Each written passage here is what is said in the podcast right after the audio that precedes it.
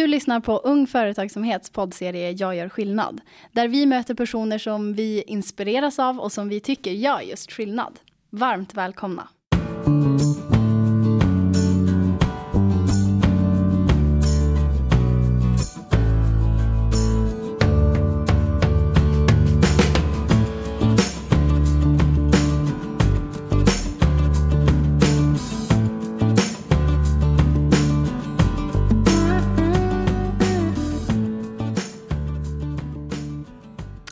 Hon är forskare från Luleå tekniska universitet som har forskat på entreprenörskap i skolan. Med syfte att utveckla elevernas entreprenöriella kompetenser har hon hjälpt skolor igång med sitt arbete kring entreprenörskap i skolan genom att lyfta mosaikförmågorna.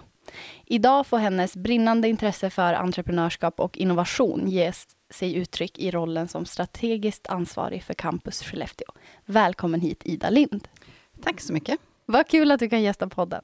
Ja, men vad kul att vara här. Ja. Jag tänker att vi måste ju börja i din forskning kring entreprenöriellt lärande. Kan inte du berätta mer vad, vad du har kommit fram till med den forskningen? Ja, men självklart, det kan jag göra. Sen är det en stor fråga, men dels kan man säga att min forskning byggde vidare eh, och adderade till forskningen som, som slår fast att entreprenörskap är ingenting som... som man, man föds inte till entreprenör, utan entreprenörskap är någonting som utvecklas och tränas och som lärs.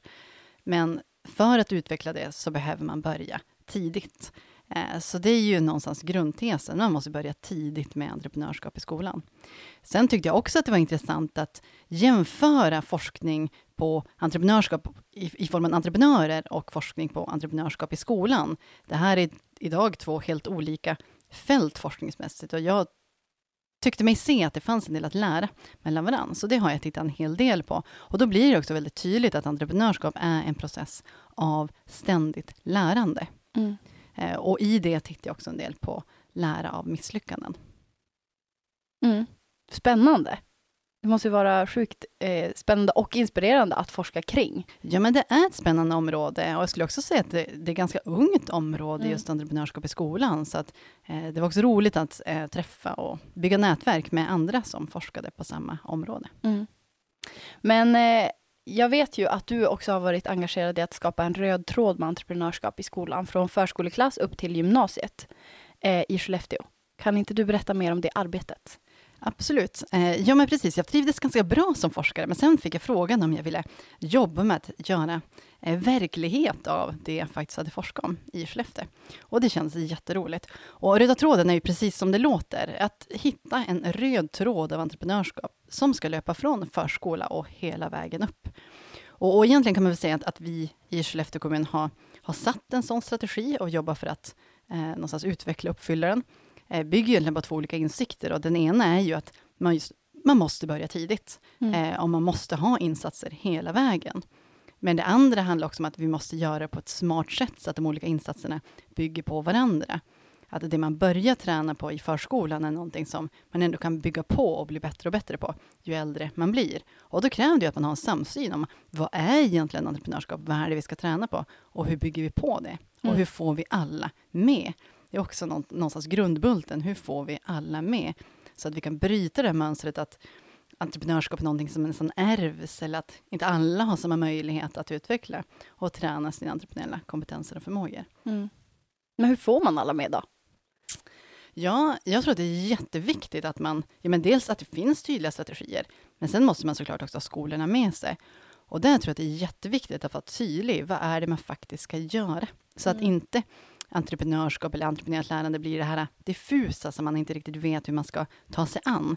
Eh, så jag tror att det är väldigt viktigt att sänka trösklarna. Mm. Att börja med något väldigt tydligt, som man kan eh, börja och utveckla och sen bygga på.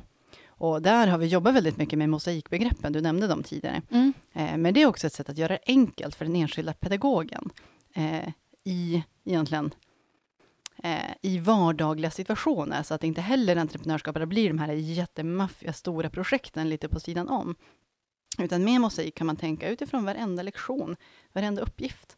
Hur bidrar det här till att utveckla elevers kreativitet, mod, eh, osäkerhetstolerans, förmåga att ta initiativ, samarbeta och så vidare. Och kanske välja några av dem, men så att man ändå utgår från det och se hur kan man skruva lite på den här mm. uppgiften eller på det man ska göra. Sen tycker jag också att mosaik har varit ett väldigt bra begrepp utifrån eh, elevernas delaktighet.